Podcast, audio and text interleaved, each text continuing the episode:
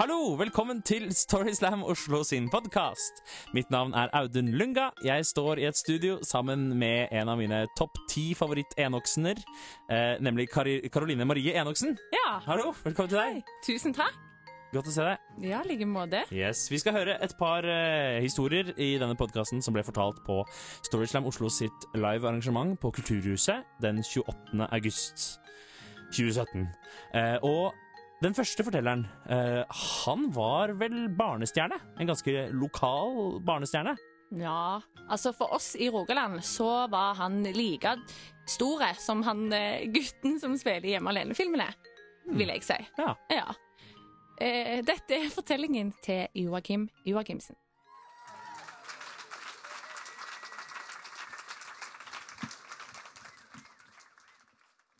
Skal dere gå allerede? Det er fire ord jeg dessverre sier litt for ofte. Natt til søndag, halv fem. Jeg er veldig glad i nachspiel. Jeg elsker å invitere folk hjem på nachspiel. Jeg kommer fram med vindunk, masse øl, god stemning, underholder og smeller til. Jeg spiller Øystein Sunde på gitar, jeg forteller vitser, eh, jeg eh, viser korttriks. Jeg elsker å underholde folk på nachspiel. For jeg er faktisk jævlig flink på å underholde. Jeg, faren min, tidlig på 90-tallet, så var han eh, underholdningsmaskin.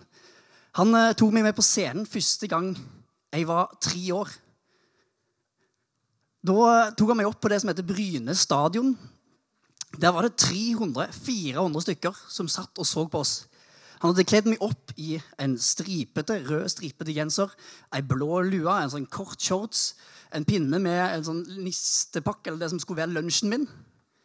Og der sto han ved siden av meg, og jeg sto ved siden av han. Og der sammen spilte vi og sang 'Jeg er Pinky, Pinky er mitt navn'. Til vanlig så er jeg ikke røver, men nå er jeg i havn. Til stor applaus fra de tre altså Det var masse med folk som bare brølte ut en fantastisk applaus. Så bra var det, innbiller jeg meg i dag. Etter hvert så begynte vi å reise rundt i hele Rogaland. Der var meg og pappa på tur. Jeg i den lille drakten min, eh, Pinky, og så var han store Pinky. Vi sang denne sangen overalt. Sandnes, Stavanger, Bryne, Klepp og alle andre byer i Rogaland som jeg ikke husker navnet på. Ingen scener var på en måte for, for store eller for små for oss. Vi spilte for eh, to, ni betalende publikum. Og vi spilte også for 500 betalende publikum. Etter hvert så ble vi da til Minibaron. Nei, nei eh, ble vi til eh, Kaptein Sabeltann og Mini-Sabeltann. Eh, Og da eh, reiste vi rundt og fortsatte dette og spilte da jeg er eh, Kaptein Sortebil og jeg er Kaptein Sabeltann-sangen. Hiv ohoi.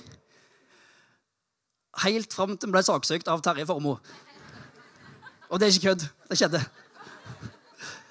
Vi, han lagde sin egen pirat som heter Baron Ben Bart, som ble en lokalkjendis i Rogaland. Han hadde tre sesonger hvor han spilte Baron Ben Bart i Kongeparken. Eh, vi reiste rundt med dette showet og holdt på og styrte i mange år med det her. Fram til han eh, begynte å sette opp et eget teater som het Sandnes Barneteater. Og vi ble der sammen, eh, meg og han, og så var det plutselig ble hele familien med. Så plutselig var vi en underholdningsfamilie som reiste rundt. Eller mamma hun var administrativ, så hun kjørte liksom regninger og det greiene der. Mens alle oss, eh, meg, lillesøsteren min, far min, eh, min storebror, storesøster, eh, søskenbarn ble tatt med, venner, onkler, tanter, familie. Alle var involvert, og vi satte opp Kardemommeby, Emil i Lønneberget. Vi reiste rundt, vi underholdt og spilte fra eh, Olavshallen i Grieghallen til Klepp kulturhus. Og Arendal kulturhus var vi òg, og videre. Eh, og vi- bodde på hotell hver eneste morgen, eller hver eneste helg. Så var, mens mine venner var på fotballturneringer, så var jeg på teaterturné og spilte teater. Og vi holdt på med dette. Vi bodde på hotell, vi hadde forestilling på dagen. bodde på hotell, hadde forestilling neste dag, reiste hjem, var på skole mandag til fredag. Ny turné neste helg. Og sånn gikk det egentlig alle barndomsårene mine. var sånt. Og så var det en gang vi var, da jeg var tolv, så var vi på turné i eh, Kongsvinger. Skulle spille forestilling der, og da våkner vi første eh, den morgenen her på hotellet, og så plutselig så får vi liksom beskjed om at de voksne skal De voksne skal gå og rigge opp kulissene foran oss. Vi vi ungene kan komme litt seinere. Så tenkte jeg, ja, ok, men det er jo chill å henge med her. Og så Noen timer etterpå så kom vi til ferdig, ferdig rigga kulisser, og alt er sånn som det skal. Lyset er på. Vi venter egentlig bare på at publikum skal komme. Vi skal bare legge rekvisittene våre ut. Men så er de voksne litt rare. Det er akkurat som det er et eller annet som har skjedd. Og det hører rykter om at det har vært en ambulanse utfor. Og vi blir litt sånn OK, hva er det som skjer? Men eh, jeg prøver ikke å tenke på det. Vi har jo forestilling om under en time, så vi må bare legge ut alle rekvisittene våre. Publikum har jo kommet få igjen. De står der og er klar. De skal se Kardemomme. Og på et tidspunkt så kommer mamma til meg. Og jeg står og ser på henne, og hun ser på meg. Står overfor hverandre. Og så sier hun Pappa er på vei til sykehuset. Han er kanskje ikke mer. Utfor så står det en sykebil. Meg og mamma gir hverandre en lang klem. Så går vi til den sykebilen. Den sykebilen kjører oss opp til sykehuset. Meg, mamma og lillesøster sitter i bilen og holder enden. Så kommer vi til sykehuset, og der får vi beskjed om at pappa, han er død. Sceneteppet har gått ned. Han har tatt applaus for siste gang. Han er ikke mer. Så når jeg da står på en fest og sier 'skal det gå allerede', så er det ikke fordi at jeg ikke altså jeg skal holde dere igjen. Det er bare jeg har så sykt lyst å få ta det før det går. For det har det, det fikk jeg aldri med far min. Takk.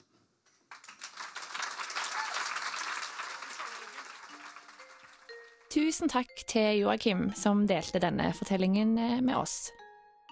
Neste fortelling handler også om røtter og familie. Her er Kim Cecilie Djupvik.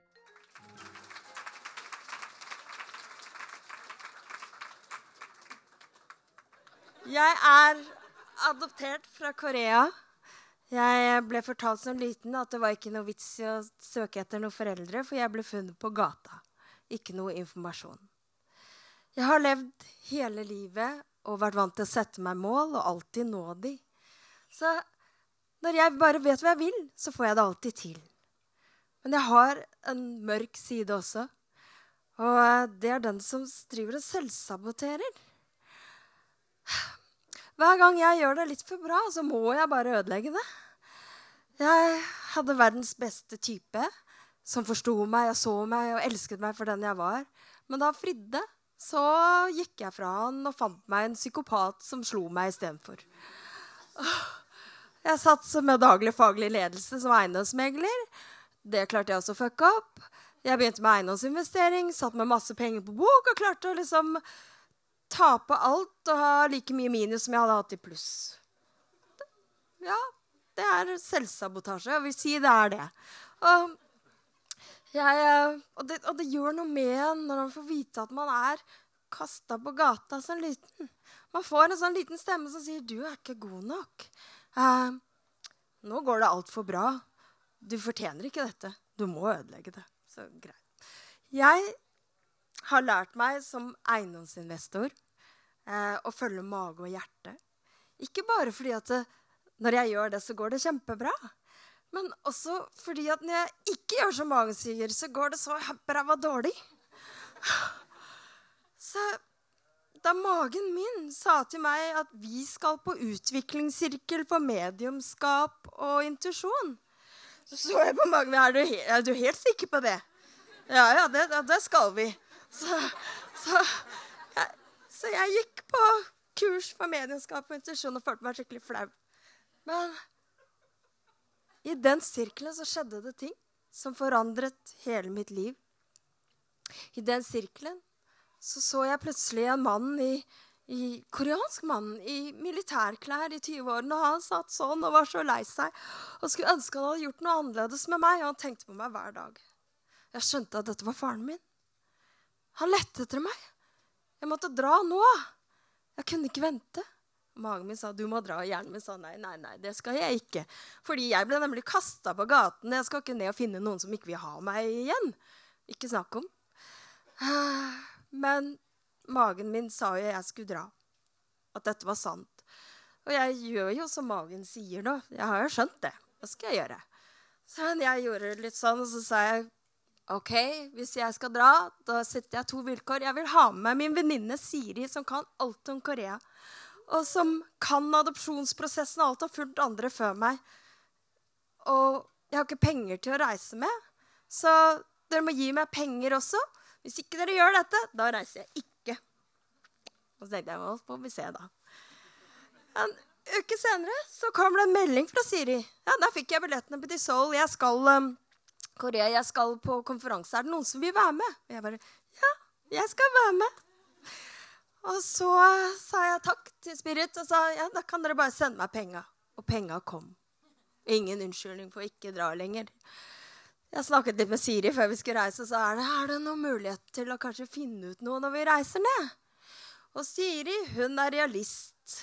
Bena godt plantet på jorda. Så på meg ristet på hodet og sa Kim, dette er en lang og tung prosess. Dette burde du tenkt på for et år siden. Du kan ta kontakt med barnehjemmet i Seoul og se om, se på, få se om mappa di. Men du kan ikke regne med å finne noe denne gangen. Og jeg bare nei, nei, jeg vil bare dra på sightseeing. Det går fint. Jeg, ikke noe. Jeg tenkte inni mitt hode jeg vet noe som ikke du vet. Jeg får hjelp. Dagen før jeg skal sette meg på flyet, så får jeg en e-mail fra barnehjemmet i Seoul. De har åpnet mappen min og sett at jeg kommer fra en annen by og et annet barnehjem. Og der er det en nonne som har informasjon til meg. Nonne, bruker de internettet? Jeg sendte mail. Det er meg, Kim. Jeg vil gjerne ha informasjonen du har. Og jeg hadde også Unnskyld. Jeg hadde også sagt til uh, min eh, eks, min sønns far, at du må passe Kristoffer i en uke, for jeg skal ned, og for pappaen min leter etter meg. Og han hadde sett meg sånn Vi holder med henne til dyrlegen kommer og henter henne. Men jeg fikk dra. Jeg får mailen tilbake fra nonnen. Kim, kom fort. Pappaen din leter etter deg. Han vil møte deg. Han har lett etter deg alle disse år. Og når jeg setter meg på flyet, så vet jeg at jeg skal møte faren min når jeg kommer ned der. Og ikke bare møter jeg faren min. Jeg møter mammaen min, lillesøsteren min, lillebroren min. Jeg blir fortalt sannheten om hva som hadde skjedd. De hadde fått meg i all hemmelighet utenom ekteskap. De hadde blitt oppdaget av foreldrene sine og blitt, fått beskjed om at de kunne ikke beholde meg, for pappa skulle nemlig i militæret i tre år. Pappa kom på kompisen sin som, hadde, eh, som, var gift og som ikke hadde barn. Så han gikk til de, kan dere være så snill å ta vare på datteren min. Jeg skal i militæret i tre år. Og det sa de ja til. Da han kom ut på perm etter ett år for å se hvordan det gikk med meg, så fant han oss ikke. De hadde flyttet, sporløst forsvunnet. Og han sverget på at han skulle finne datteren sin. Min mor derimot, hun hadde aldri sagt ja til å gi meg fra seg. Han forteller meg at han måtte rive meg ut av armene hennes. Og at hun hadde løpt etter han og grått for å overtale han til å ikke gjøre dette. Og den damen som jeg hadde tenkt, hun som liksom bare hadde kastet meg på, på gata og gått fra meg, hun hadde aldri ønsket å gi meg fra seg. Jeg har alltid vært elsket. Jeg har alltid vært ønsket. Åh, jeg er her nå for å fortelle det at det mennesket som dro til, dro til Korea, var som et puslespill som var fraksjonert. Ikke helt. Og når jeg sitter tilbake på flyet, så er jeg et helt menneske. Sterk. Og jeg sluttet å selvsabotere. Jeg vil også si det at jeg har en gave. Jeg er medium. Jeg kan snakke med de døde. Den gaven ønsker jeg å gi tilbake. Fordi når åndeverden kommer gjennom, så er det fordi at de vet ofte noe som vi ikke vet. Og det er aldri tilfeldig. Sånn som jeg som trodde at jeg ikke trengte å dra til Korea. Jeg trodde ikke jeg trengte dette. Men det har forandret meg. Og jeg ønsker å gi tilbake sånn som jeg har fått hjelp. Det er derfor jeg står her i dag med fare for å bli bura inne på psykiatrisk.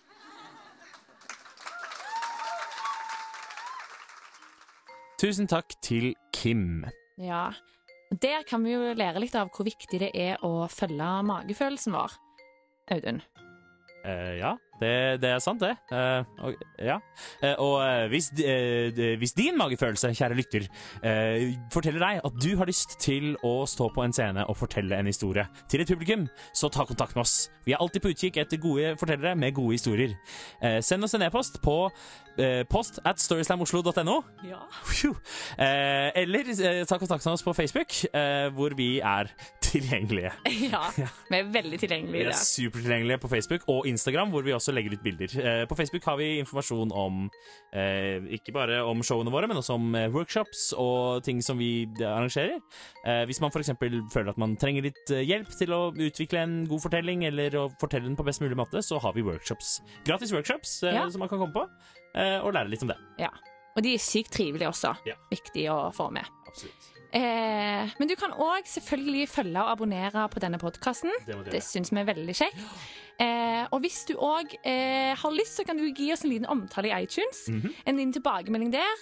Eh, for da kan vi fortsette å lage podkast. Det, Det syns vi er veldig gøy. det har vi lyst til. Ja. Eh, og så, Karoline. Ja. Neste Storyslam. Ja. Når blir det? Det blir den 18. oktober. Yes! Men det er en litt spesiell Storyslam. Jaså? Jaha, fordi Storyslam Oslo skal utenbys. Utenbys. Så Storyslam Oslo skal ikke være ut Storyslam Oslo, men Storyslam noe annet. Ja. Bare for en måned. Storyslam Kristiansand. Wow! Ja. Jeg gleder meg. Jeg har kjøpt togbilletten allerede. Skal vi ta toget, eller skal vi ja, eller Ja. kjøre bil. Eller kjøre bil? Vi. Jeg har kjøpt en togbillett. OK. Yes. Ja. 18. oktober, Kristiansand. Hva heter stedet? Håndverkeren. Håndverkeren. Ja da, Det blir kjempekult. det blir kult. Vi ses på Håndverkeren. Yes. Ha det. Ha det.